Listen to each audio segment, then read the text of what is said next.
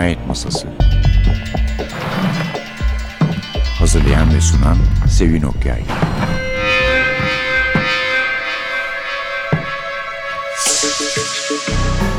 Merhaba.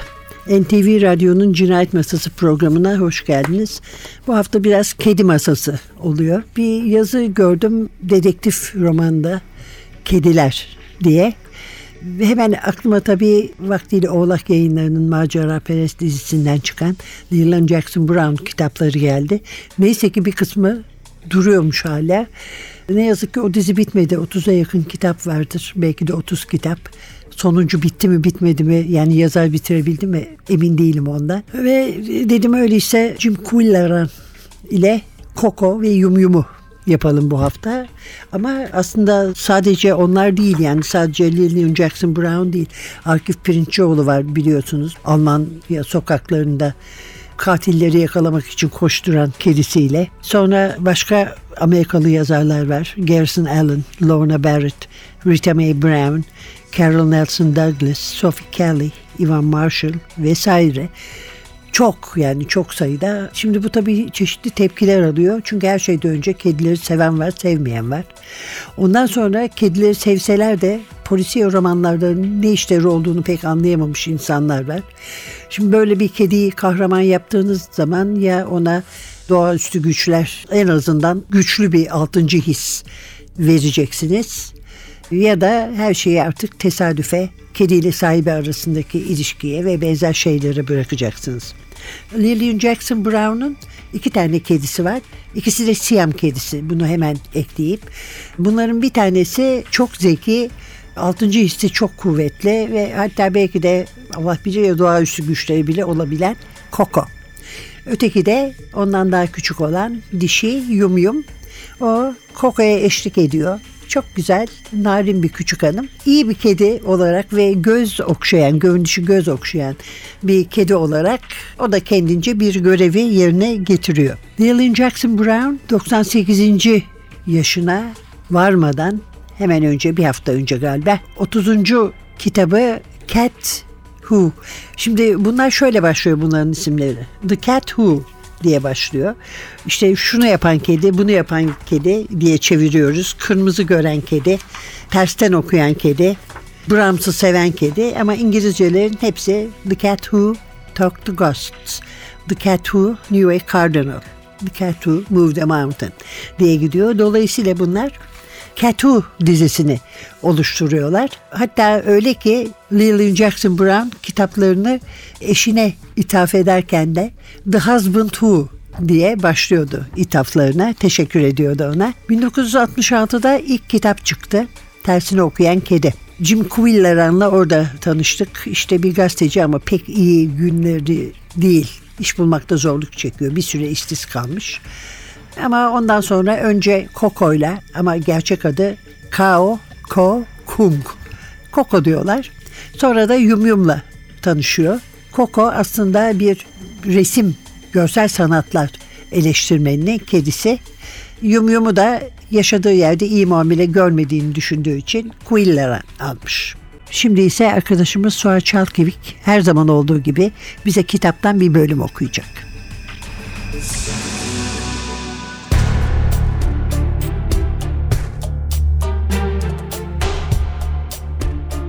Vahşi bir çığlık duyuldu karanlıktan. Küllarının aklı çıktı. Bıyıkları diken diken oldu. Kalbi hızla çarpmaya başladı. Farkında olmadan gazeteyi dürüp sopa gibi tutmuştu. Sonra çığlığın kendisini beklemekte olan Koko'dan geldiğini fark etti. Koko onu azarlıyordu. Koko açtı. Koko öfkeliydi. Kapının kasasına dayanan Küller'ın nefes nefeseydi. Kravatını gevşetti, Sakın bir daha böyle yapma dedi kediye. Altın aslanların tuttuğu masanın üstünde oturan Koko siteme boğdu onu. Tamam tamam diye haykırdı Küller'ın. Özür diliyorum. Unuttum işte tamam mı? Şehirde önemli bir işim vardı. Koko tiradına devam etmekteydi.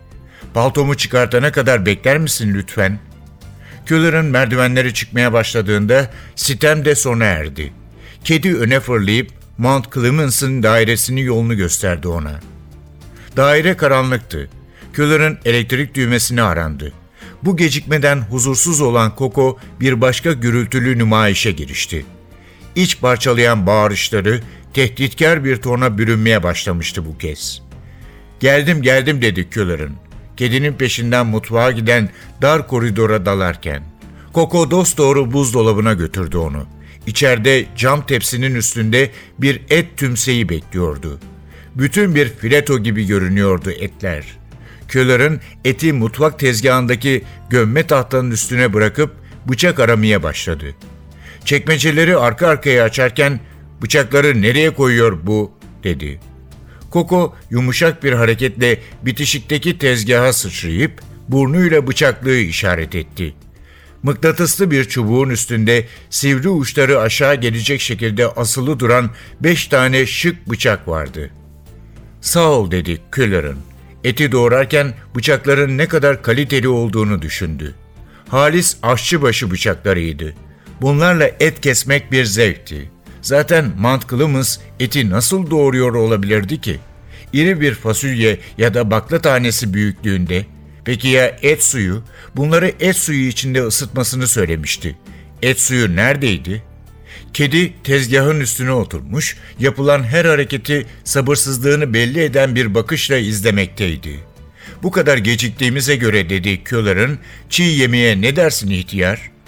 Koko'nun gırtlağından gargara yapıyormuş gibi alçak perdeden bir ses yükseldi.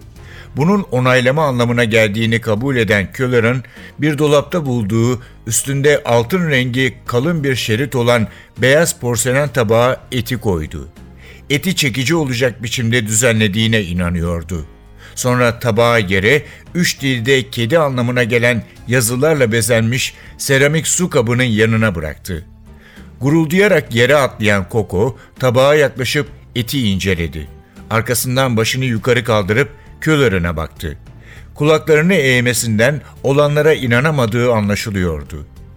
Ye hadi dedi Küller'ın. Afiyet olsun. Koko yeniden başını eğdi. Kokladı. Pençesiyle ete dokununca gözle görülür biçimde ürperdi. Pençesini temizlemek istercesine silkeledikten sonra yürüyüp gitti dimdik kaldırdığı kuyruğu kuzey yıldızını işaret ediyordu.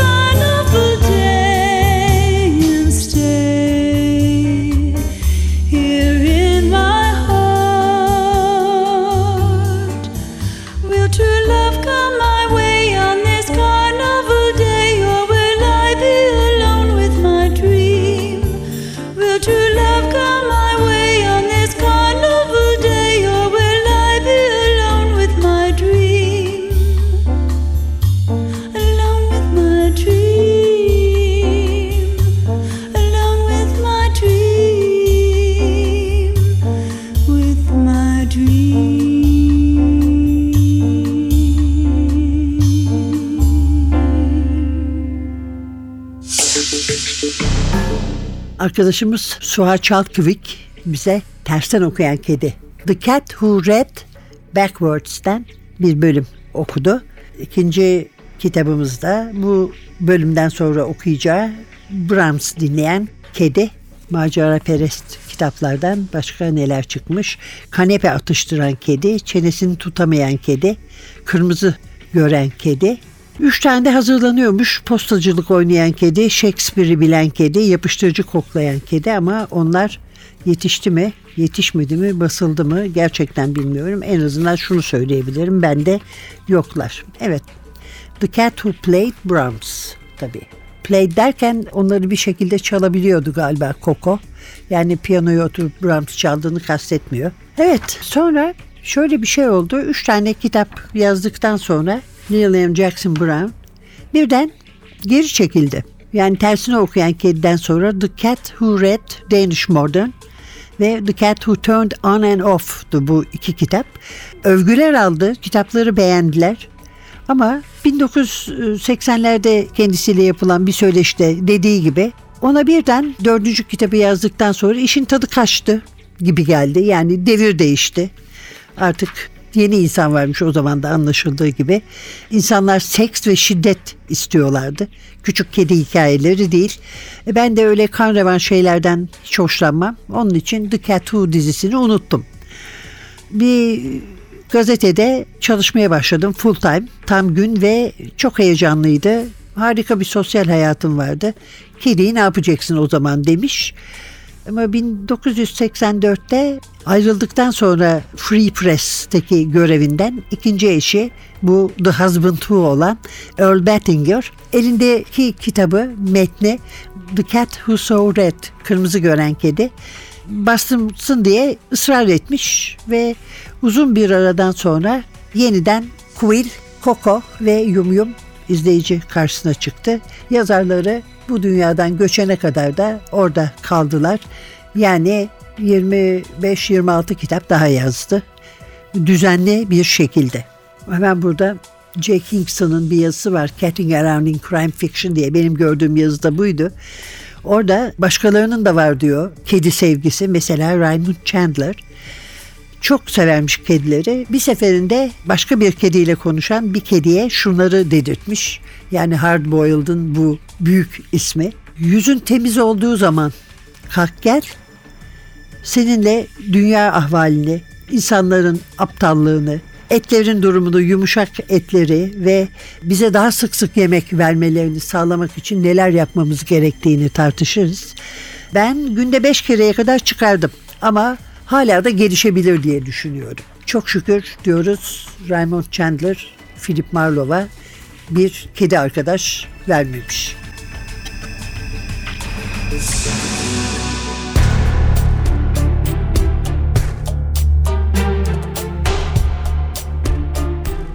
Küller'ın düşüncelerini bir düzene sokmaya çalıştı.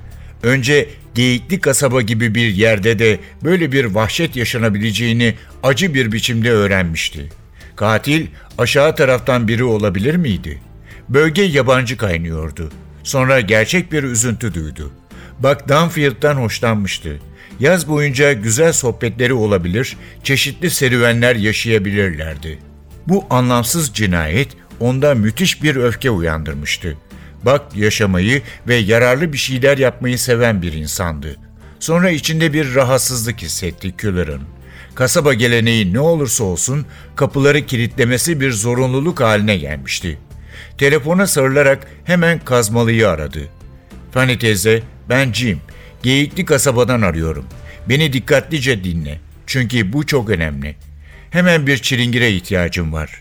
Bütün kapılara ya kilit taktırmam ya da mevcut olan kilitlere anahtar yaptırmam gerekiyor. Biri komşumun evine girip onu öldürdü. Bu kulübeyi birileri karanlık amaçları için kullanıyor olabilir. Bugünün pazar olduğunu biliyorum ama yarın erkenden çilingiri aramak zorundayım. Sokak kapılarının yabancılara açık olması fikri ise tamamen saçma, tehlikeli ve ilkel bir düşünce.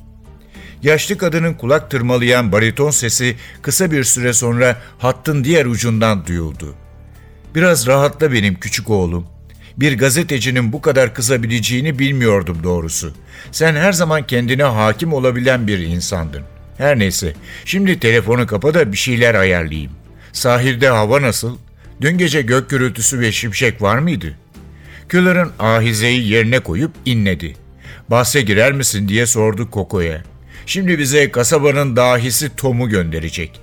O sırada koltuğun altından korka korka çıkan Yum Yum'u fark etti. Ah affedersin canım bağırdığımın farkında değildim dedi ona. Kendi kendine de Fanny kimin öldürüldüğünü sormadı bile diye söylendi. Aradan 10 dakika geçmeden ağaçların arasındaki yoldan inişli çıkışlı kum tepelerinden gelen bir otomobilin sesini duydu. Koko sundurmadaki kontrol noktasına koştu. Siyah kıvırcık saçlı genç ziyaretçi Geyikli kasabada pazar günlerinin en çok tercih edilen kıyafetiyle karşısına dikildi. Ekose gömlek, ip kravat ve blue jean. Kasket takmamıştı. Saygılı bir ses ve nazik bir tavırla "İyi akşamlar Bay Küller'ın. Bir sorununuz olduğunu duydum." dedi.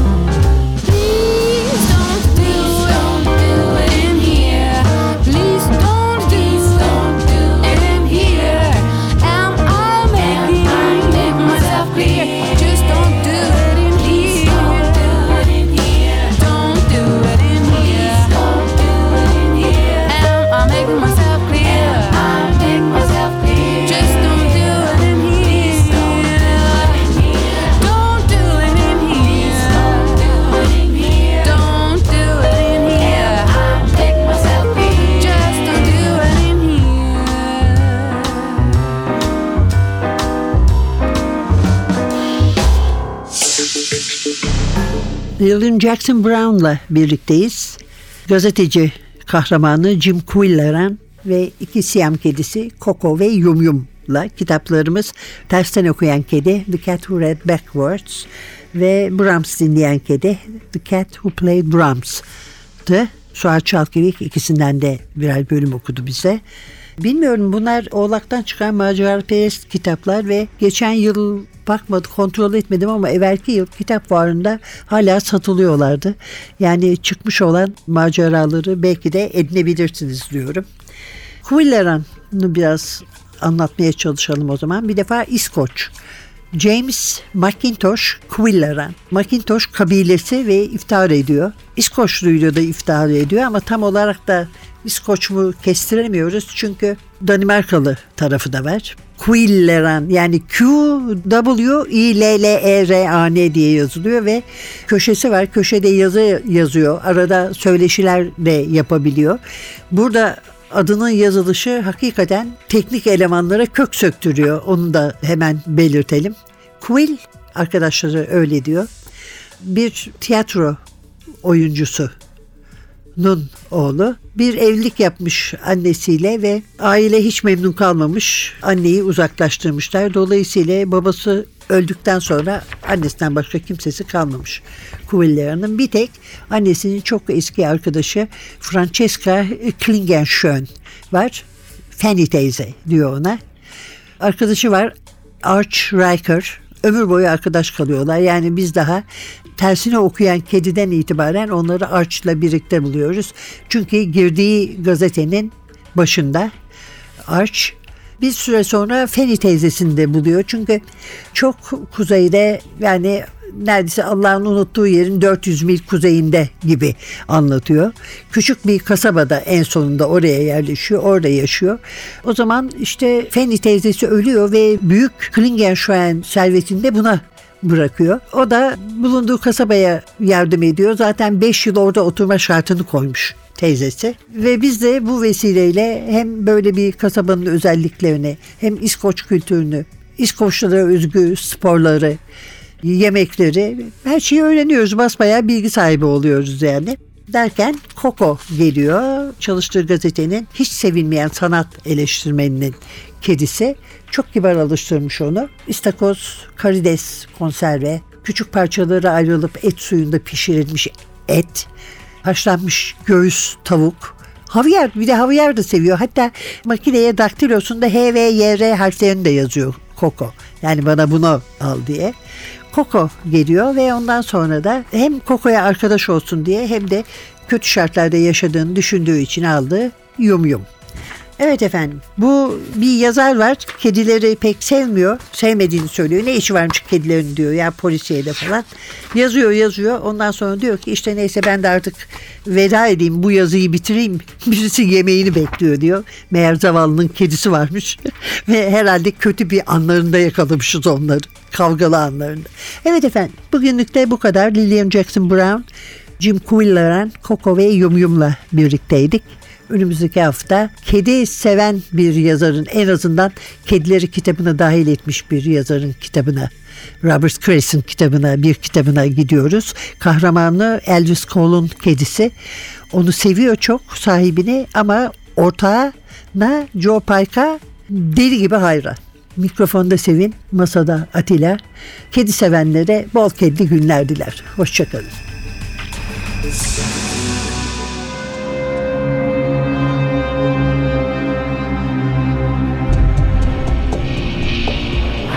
Cinayet Masası. Hazırlayan ve sunan Sevin Okyay